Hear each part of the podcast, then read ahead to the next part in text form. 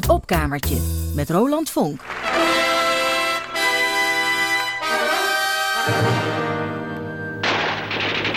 What happens in Vietnam halfway around the world?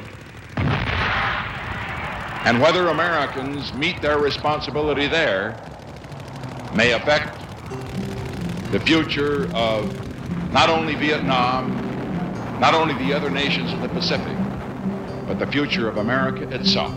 Meneer de president, wel te rusten.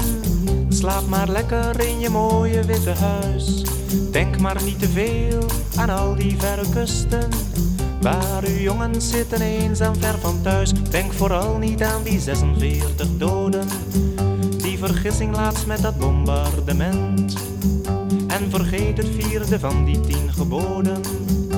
Die u als goed christen zeker kent. Denk maar niet aan al die jonge frontsoldaten. Eenzaam stervend in de verre tropennacht. Laat die bleke pacifisten kliek maar praten, meneer de president. Slaap zacht.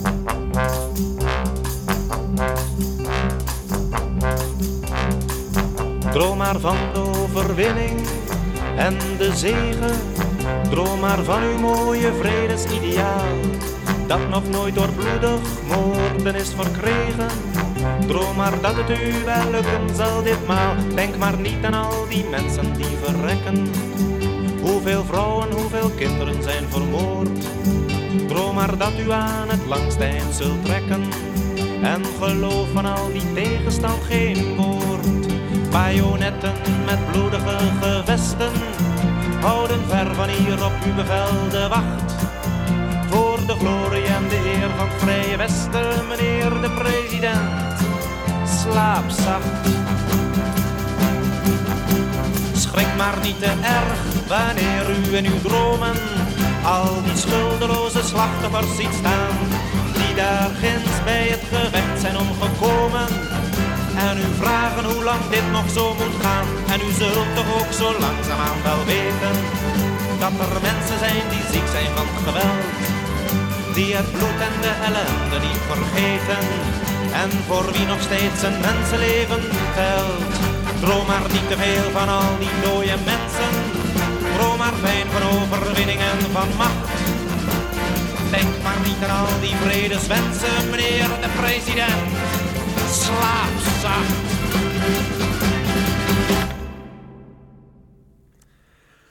Boudewijn de Groot aan het begin van het tweede uur van het opkamertje. Nog steeds over de Vietnamoorlog van begin jaren 60 tot 1975. Wel te rusten, meneer de president, uit 1966. Toen, ja, toen Johnson nog president was en nog niet Nixon, die u net hoorde. Maar dat maakte voor het eh, bloedvergieten niet meteen wat uit. De tekst van dit lied was van eh, Lennart Nijg, muziek van Boudewijn zelf. Er is in Nederland ja, wel meer gezongen over de Vietnamoorlog, maar eerlijk gezegd vind ik de meeste liedjes niet heel bijzonder. Johnny Hoes, de zangeres zonder naam, Cowboy Gerard, Gert Timmerman. Als u het niet erg vindt, dan uh, stop ik er even overheen.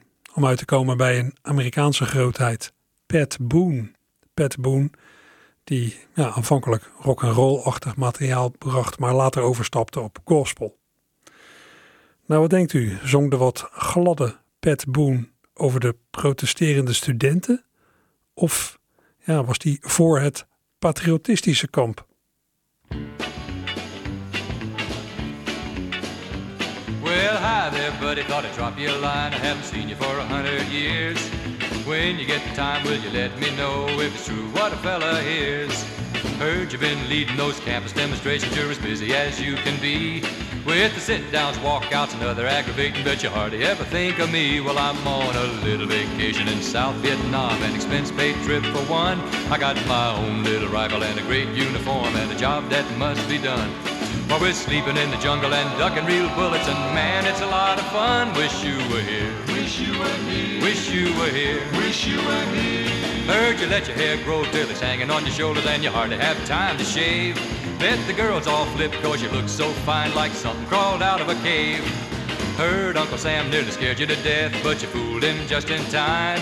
Just stuck a little match to your old draft card and you burned up a future like mine. I'm on a little vacation in South Vietnam, an expense paid trip for one. I got my own little rifle and a great uniform and a job that must be done. While we're sleeping in the jungle and ducking real bullets, and man, it's a lot of fun. Wish you were here. Wish you were here. Wish you were here. Wish you were here. Oh, I know you're not scared. You're a real brave guy. You're a regular Cassius Clay. And I know you'd have fought when the country was young, but the world's just different today. Well, you just stay home and leave the fighting to us, and when the whole darn mess is through, I'll put away my rifle and the old uniform, and I'll come a looking for you. I'm on a little vacation in South Vietnam, an expense paid trip for one. I got my own little rifle and a fine uniform, and a job that must be done. While we're sleeping in the jungle and ducking real bullets, and man, it's a lot of fun. Wish you were here. Wish you were here. Wish you were here. Wish you were here, old pal. Wish you were here. Wish you were here. Wish you were here, little buddy. Wish you were here. I want to introduce you to them Kongs. Wish you were here. Come on over and we'll just hold them till you get here, okay? Wish you were here. Ja, Pat Boone in 1966 met weer een, in mijn optiek, tamelijk vreselijk werkje. Brief van een soldaat die ja, voor zijn land zijn leven waagt uh, in Vietnam. Aan, ja, een brief aan vermoedelijk een oude schoolmaat die thuis loopt te protesteren. De zanger brengt het oorlijk. Wish you were here. En, uh, nou ja. Maar je voelt de onderhuidse verwijten. Aan de andere kant, je kunt je ook wel weer voorstellen dat die jonge soldaten zo ver van huis, ver van hun vertrouwde omgeving, ver van een mogelijk vriendinnetje in een vijandig oord, zich knap verlaten konden voelen. Alsof ze door Jan en Alleman vergeten waren.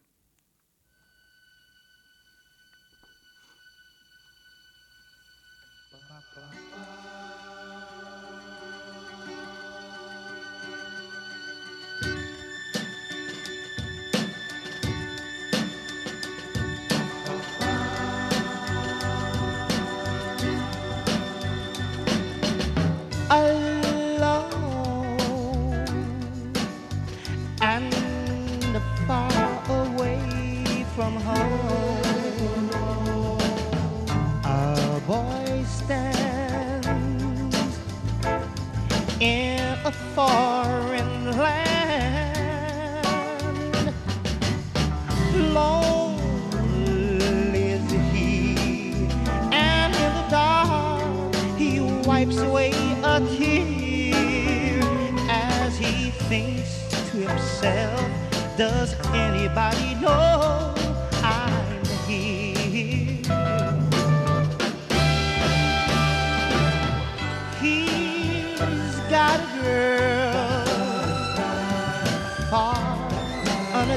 and shore.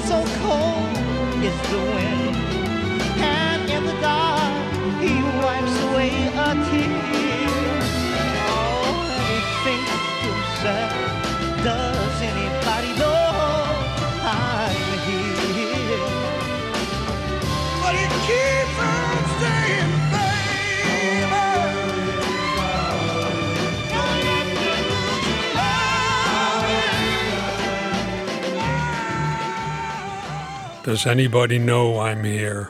Je hoorde het kwartet De Dells in 1968. Ja, het zou best kunnen dat een hoop van die jonge dienstplichtigen die naar Vietnam werden gestuurd, nog nooit zo lang van huis waren geweest. Hoe oud waren ze ook nog maar?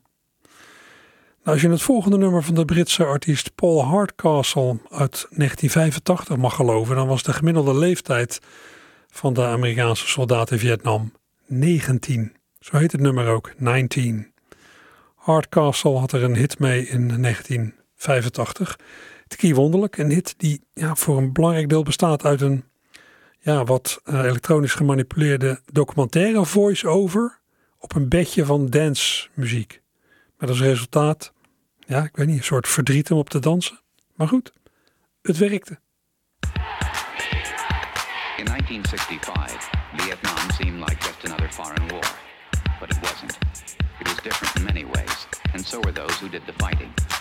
In World War II, the average age of the combat soldier was 26. In Vietnam, he was 19.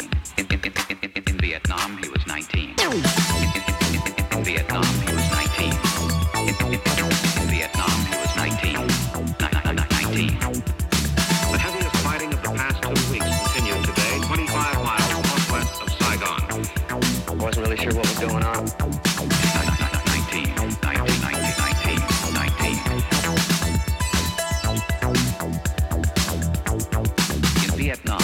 The combat soldier typically served a 12-month tour of duty, but was exposed to hostile fire almost every day.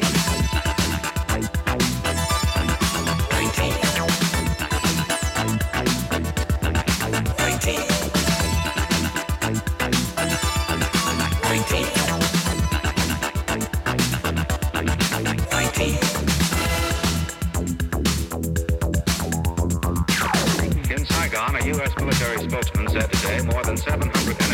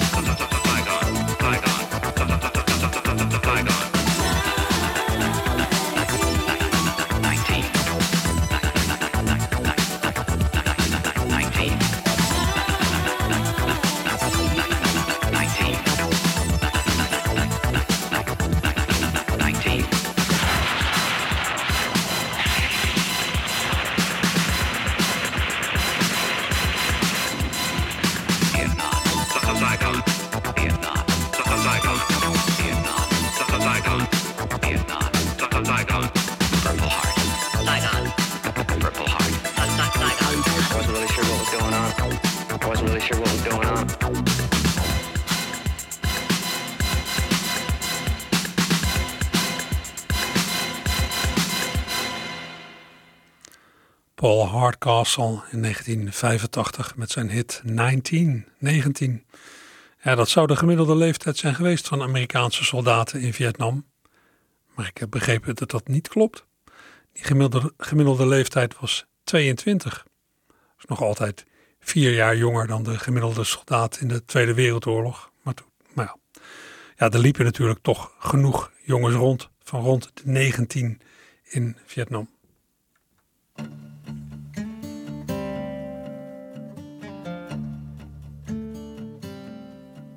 Well, I'm a bush hog scratching for a rat underground in the jungle of the valley I shot. I gave him 18 rounds, but it didn't go down, and I'm dealing with the devil again. I turned 19 in Vietnam.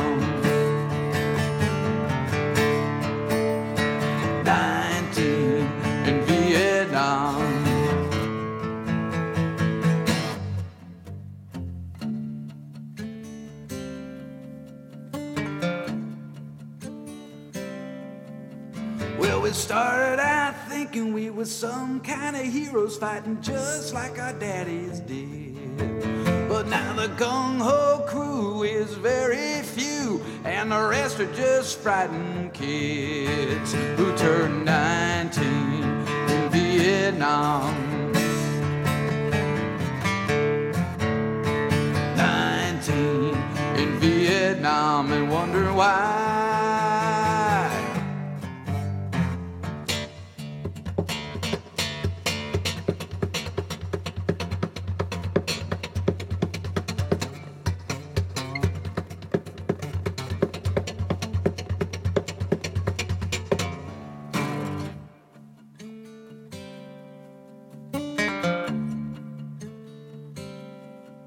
You spend a year in hell feeling so alone, seeing more than a kid can bear. Counting the days till they ship you home, but there ain't no welcome there when you're 19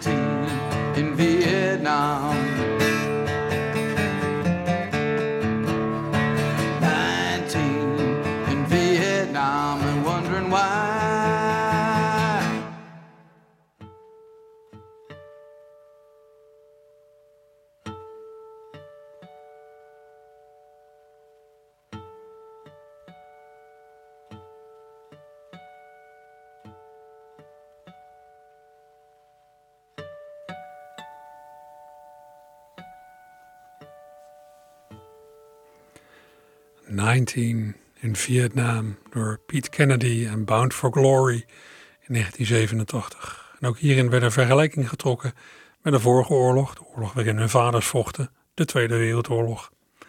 Een ongemakkelijke vergelijking. Hè? Tijdens de Tweede Wereldoorlog was de vraag: waar doe ik het voor?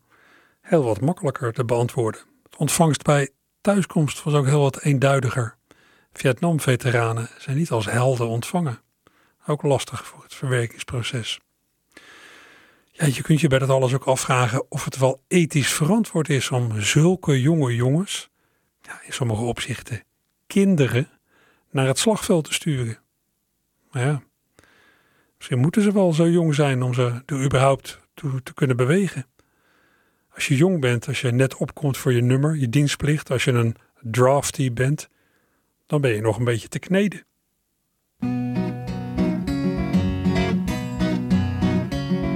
Sergeant, I'm a drafty and I've just arrived in camp. I've come to wear the uniform and join the martial tramp. And I want to do my duty, but one thing I do implore you must give me lessons, Sergeant, for I've never killed before. To do my job obediently is my only desire. To learn my weapon thoroughly and how to aim and fire. To learn to kill the enemy and then to slaughter more. I'll need instruction, Sergeant, for I've never killed before. Now there are rumors in the camp about our enemy.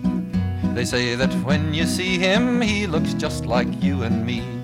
But you deny it, Sergeant, and you are a man of war. So you must give me lessons, for I've never killed before. Now there are several lessons that I haven't mastered yet. I haven't got the hang of how to use the bayonet. If he doesn't die at once, am I to stick him with it more? Oh, I hope you will be patient, for I've never killed before. And the hand grenade is something that I just don't understand. You've got to throw it quickly, or you're apt to lose your hand. Does it blow a man to pieces with its wicked muffled roar? I've got so much to learn because I've never killed before. Well, I want to thank you, Sergeant, for the help you've been to me. You've taught me how to kill and how to hate the enemy. And I know that I'll be ready when they march me off to war. And I know that it won't matter that I've never killed before. I know that it won't matter that I've never killed before. Folklegende Pete Seeger was dat in 1964 met een lied van Tom Paxton. Ja, jonge jongens zijn nog min of meer makkelijk te kneden als het mee zit. Als je wat ouder wordt, dan ga je misschien eerder nadenken. Als je een bevel krijgt, dan denk je misschien, wie ben jij om mij een bevel te geven? Heb jij soms de wijsheid in pacht? Zo'n soort omslag in houding tegenover de overheid werd ook zichtbaar in het Amerika van de Vietnamoorlog. Die Johnson en die Nixon die gingen wel allemaal verhalen op over wat een bedreiging dat communistische Noord-Vietnam was voor Amerika en de rest van het Vrije Westen. En Nixon verzekerde dat er geen burgerdoelen werden aangevallen. Maar hoeveel klopte daar eigenlijk van? Werden wij niet voorgelogen? Actrice Jane Fonda regelde een bezoek aan Hanoi, Hanoi in het communistische Noord-Vietnam in 1972. In een persconferentie lichtte ze haar motieven toe. I wanted to come to North Vietnam for two reasons. I wanted to find out for myself whether or not Richard Nixon has been bombing civilian targets in the Democratic Republic of Vietnam. Because, of course, this is being denied in the United States. And I also wanted to find out if what I was hearing on the radio in the United States was true. That the North was collapsing, that the women were being sold into prostitution, that black market was rampant, and that corruption was everywhere. Jane Fonda over de motieven van haar bezoek aan Noord-Vietnam in 1972. Ze bezocht daar oorlogsplekken, sprak met allerlei mensen, ook met Amerikaanse krijgsgevangenen, met zogeheten POW's, Prisoners of War. En inderdaad, ze kreeg een heel ander beeld dan haar in Amerika was voorgeschoteld.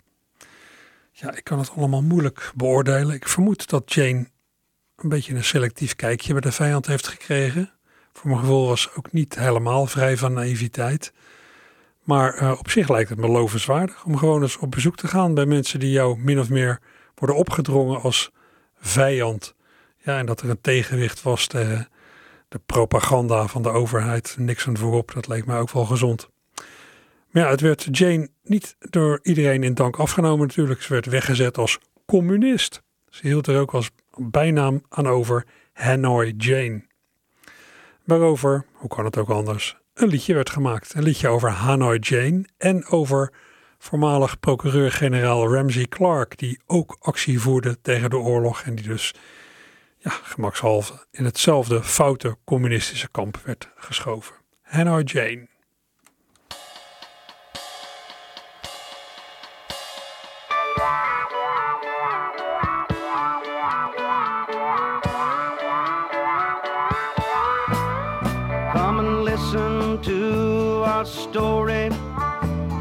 Gonna tell to you of the little bamboo prisons we were in. Don't listen to the man named Ramsey and the girl called Hanoi Jane. Both traitors to America with communistic can't understand why we let them live in America. A nation that we all call the promised land. Jane calls her POWs stupid and liars. But she has communist ignorance in her brains. Jane, why don't you just leave America? Button up your big mouth and leave a POWs alone. Take your husband and Ramsey and go back to Hanoi. Because baby America knows that's where you belong. Jane is nothing but an American traitor. She's a running down the soldiers who fought for this great land. She's a stepping on the toes of our soldiers who suffered agony and pain. This is the big mouth for a Hanoi call Hanoi Jane. Yes, she's a big mouth for Hanoi we call Hanoi Jane.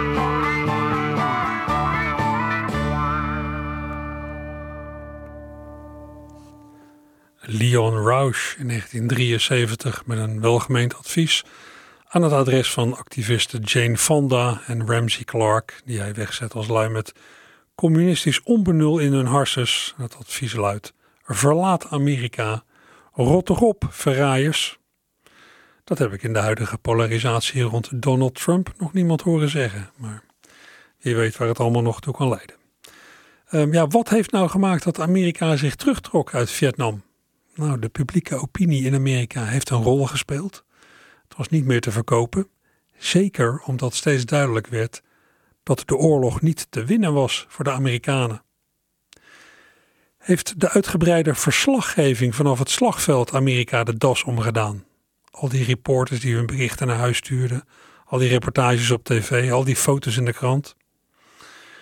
Nou, dat Amerika de oorlog in Vietnam heeft verloren doordat die thuis elke dag op tv was, dat schijnt een hardnekkige mythe te zijn. Het schijnt niet zo te zijn. Maar zo vanaf 1968, vanaf het zogeheten Tet-offensief, werd in, allerlei verslagen wel steeds duidelijker dat er weinig reden tot optimisme was en dat het sturen van nog meer troepen geen zin had. De oorlog is niet beëindigd door verslaggevers, door foreign correspondents, maar ja, door te laten zien hoe het ervoor stond, hebben journalisten het einde misschien wel bespoedigd. Lijkt mij voor die journalisten wel een prettige gedachte bij het terugkijken op een gevaarlijke tijd waarin er veel moest worden geïmproviseerd. Night vision camera's bijvoorbeeld voor fotografen, die waren er niet. En even een fotootje doorsijnen vanaf, de, vanaf je computer was er ook niet bij. Ja, want niemand had nog een computer. En uh, ja, dan alle uh, ja, levensbedreigende omstandigheden nog. Het was geen eenvoudig bestaan voor de Vietnam Foreign Correspondent.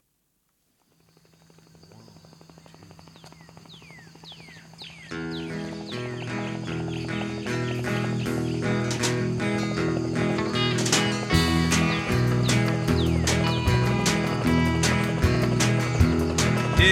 have no computers. We all had to fly in on olive green choppers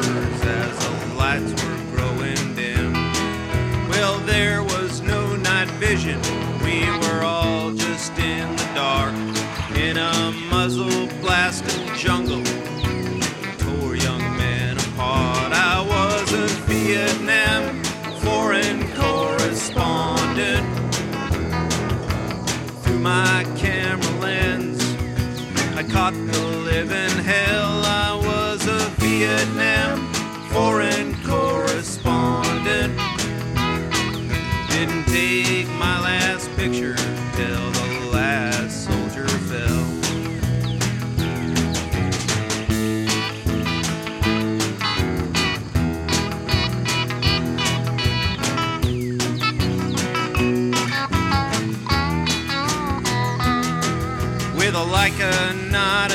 Sixteen, I aim to save some lives. Hardly anyone remembers photojournalists that died. Well, I may not be a hero for you were not there, but when the grunts were in the shit, they could see who really cared. I was a Vietnam.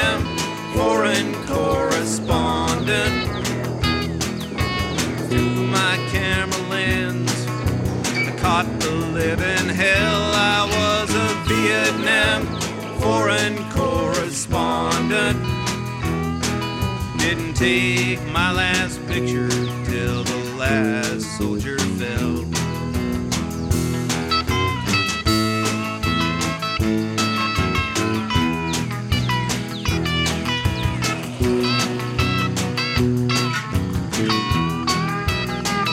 I was a Vietnam foreign correspondent.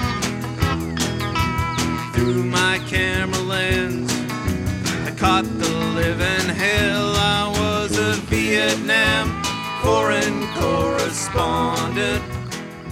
Ja, de groep de Peacemakers uit Portland, Oregon in 2004.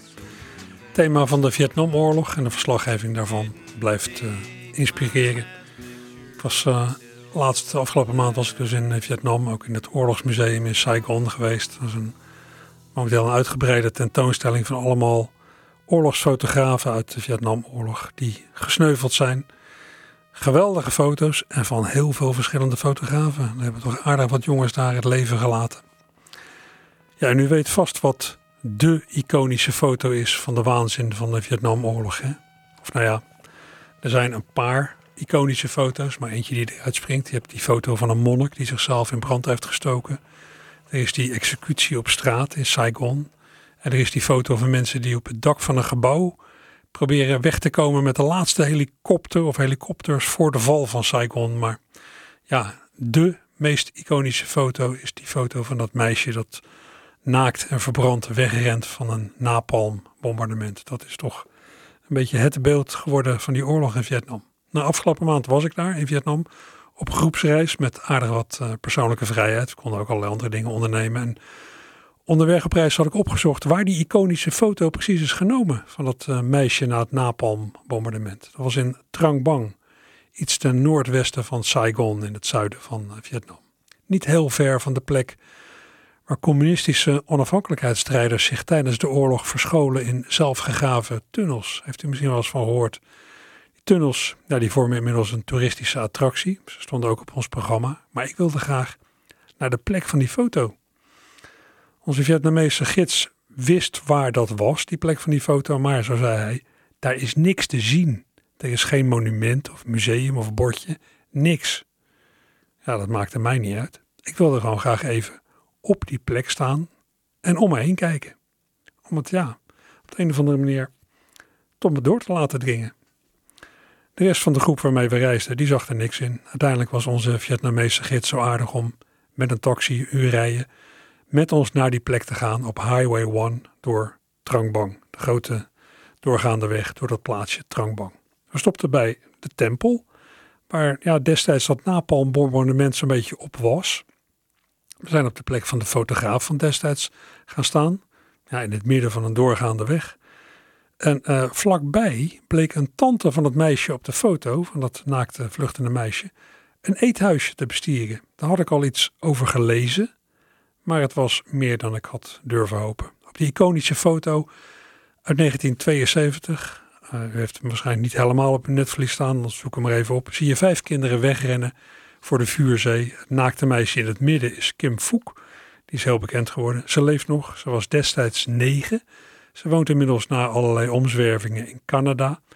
Ja, waar ze nog steeds lijdt onder de ernstige brandwonden die ze heeft opgelopen bij dat Amerikaanse napalmbombardement. Op die bekend geworden foto uit 1972 lopen links van Kim haar oudere en haar jongere broertje. Rechts staan nog twee, ja, ik weet niet of het nou neefjes of nichtjes zijn of kinderen uit het dorp. Dat oudere broertje, dat helemaal links op de foto staat en met een pan van pijn vertrokken gezicht, is een jaar of tien geleden of zo overleden. Zijn weduwe bestiert dat eethuisje waar wij heen gingen. Nou, wij hebben haar daar ontmoet. En toen we daar waren, meldde zich ook nog dat jongere broertje van de foto. Een wat klein uitgevallen volwassen man. Ja, wel bijzonder dat wij kennis maakten met iemand die op die iconische foto stond. De dochter van die man die op die foto stond, die kwam er ook bij. Die was net terug van een verblijf van zeven jaar bij haar tante in Canada. Haar tante, het meisje van de foto. Nou, en zo kwam alles toch vrij dichtbij. Door de plek, nou, door die familie die we ontmoetten, door een paar verhalen. En ja, ook door een documentaire die wij in het eethuisje te zien kregen. Een documentaire over The Girl in the Picture.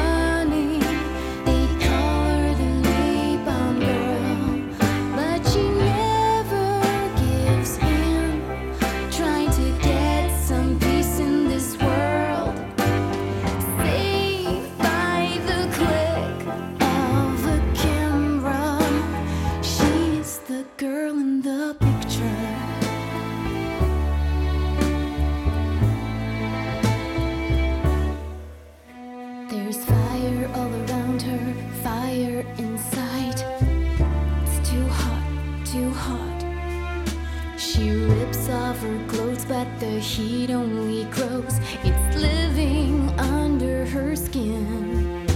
She's frozen in time, cause she still burns your mind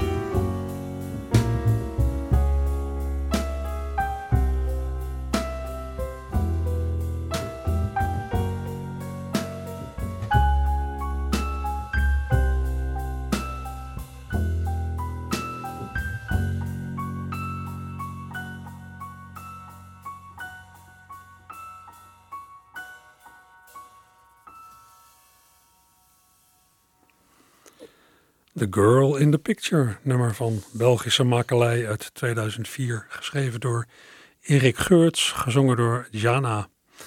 Ja, misschien muzikaal geen heel bijzonder nummer, het is wel een beetje melodramatisch, maar het is wel bijzonder door het onderwerp. Ja, een lied over een foto, een meisje op een foto, de iconisch geworden foto, gemaakt in 1972 op de hoofdweg van Trang Bang na een eh, Amerikaans napalm-bombardement.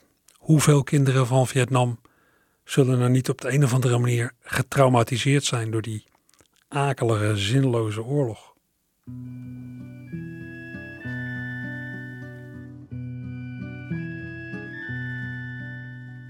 De kinderen van Vietnam, zij vluchten door de straten voor fosfor en granaten, door vage vuur en vlam. Hun ouders zijn gedood bewust en per beslissing, misschien wel per vergissing, een fout van een piloot. Zij zoeken hier en daar naar voedsel en bescherming, maar vinden geen ontferming, alleen nog bij elkaar.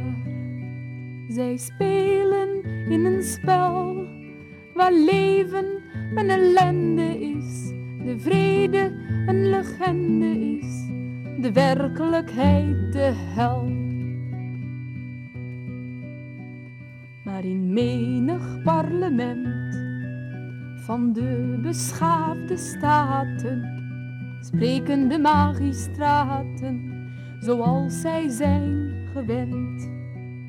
Het gaat over de wet en over rechtsverkrachting en over plichtsbetrachting. Beschaving moet gered. Dus moeder, geef je zoon zijn lichaam en zijn leven. Het doel is zo verheven en sterven is toch schoon. Meer bommen voor de strijd, nog veel meer frontsoldaten. De duivel losgelaten, op naar de veiligheid. Maar kinderen in Vietnam, die huilen in de straten. Zij zijn door God verlaten, de nacht is koud en klam. Zij zoeken ongerust een plek waar wapens zwijgen, de dood hen niet zal dreigen, een moeder die ze kust. Zij vragen schuw en bang naar iets dat wij niet geven, de vrede en het leven. Zij vragen al zo lang. Hoe lang aanvaard je dat? Hoe lang nog deze kreten? Heb jij dan geen geweten? Hoe lang nog neem je dat? Hoe lang nog neem je dat? Ja, over melodrama gesproken. De kinderen van Vietnam, werkje van Ellen van Eyck, dat ik draai van een singeltje uit 1966. Ik heb nog stapels en stapels liedjes uh, over uh, de oorlog in Vietnam uit de jaren 60, 70 liggen. Andere keer zal ik er nog wel eens uh, uitputten. Voor vandaag, ja, het was toch misschien al een beetje een overkill om in oorlogstermen te blijven. voor vandaag ga ik langzaamaan ga ik er een end aan breien. met deze vraag denk ik, ehm, hebben we er iets van geleerd? Of heeft Amerika er iets van geleerd van die Vietnamoorlog? Ja, Vietnam is altijd als een soort doem op de achtergrond blijven hangen, ook bij allerlei internationale buitenlandse inventies. Van nou, we gaan, het wordt geen nieuw Vietnam. Maar ik moet zeggen, de oorlog in Irak heeft daar toch akelig veel van weggekregen. En daar refereert uh, een zekere Alan Ross Haynes aan in een liedje. Dat heet Back in Vietnam. Hij maakte het uh, tien jaar geleden. En daar zit de zin in. They call it Iraq, but we're back in Vietnam. En dat is de laatste muziek voor dit uur. Uh, volgende week weer iets heel anders. En iets opwekkenders.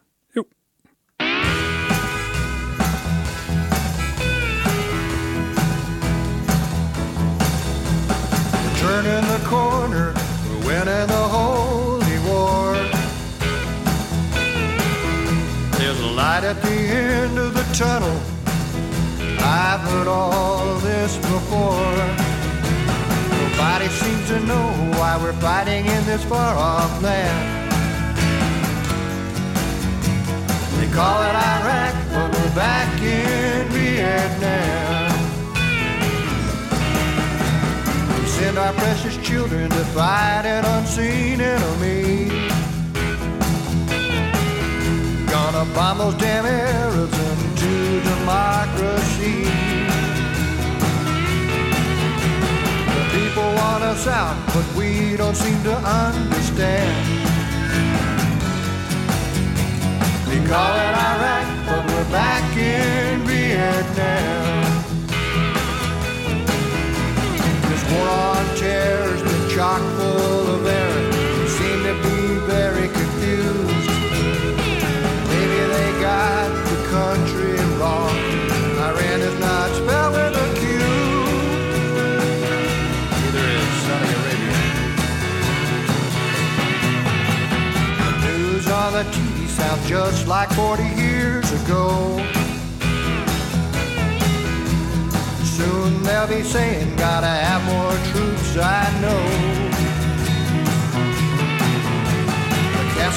caskets as we sink into the desert quicksand. They call it Iraq, but we're back in Vietnam. This war in Iraq's been a war on facts. Nothing they told us was true. Same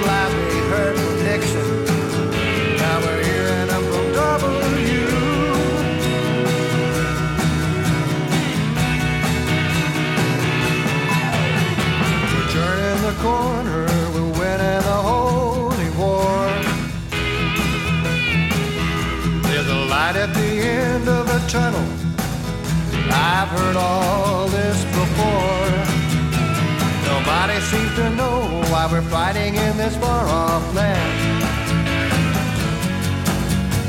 They call it Iraq, but we're back in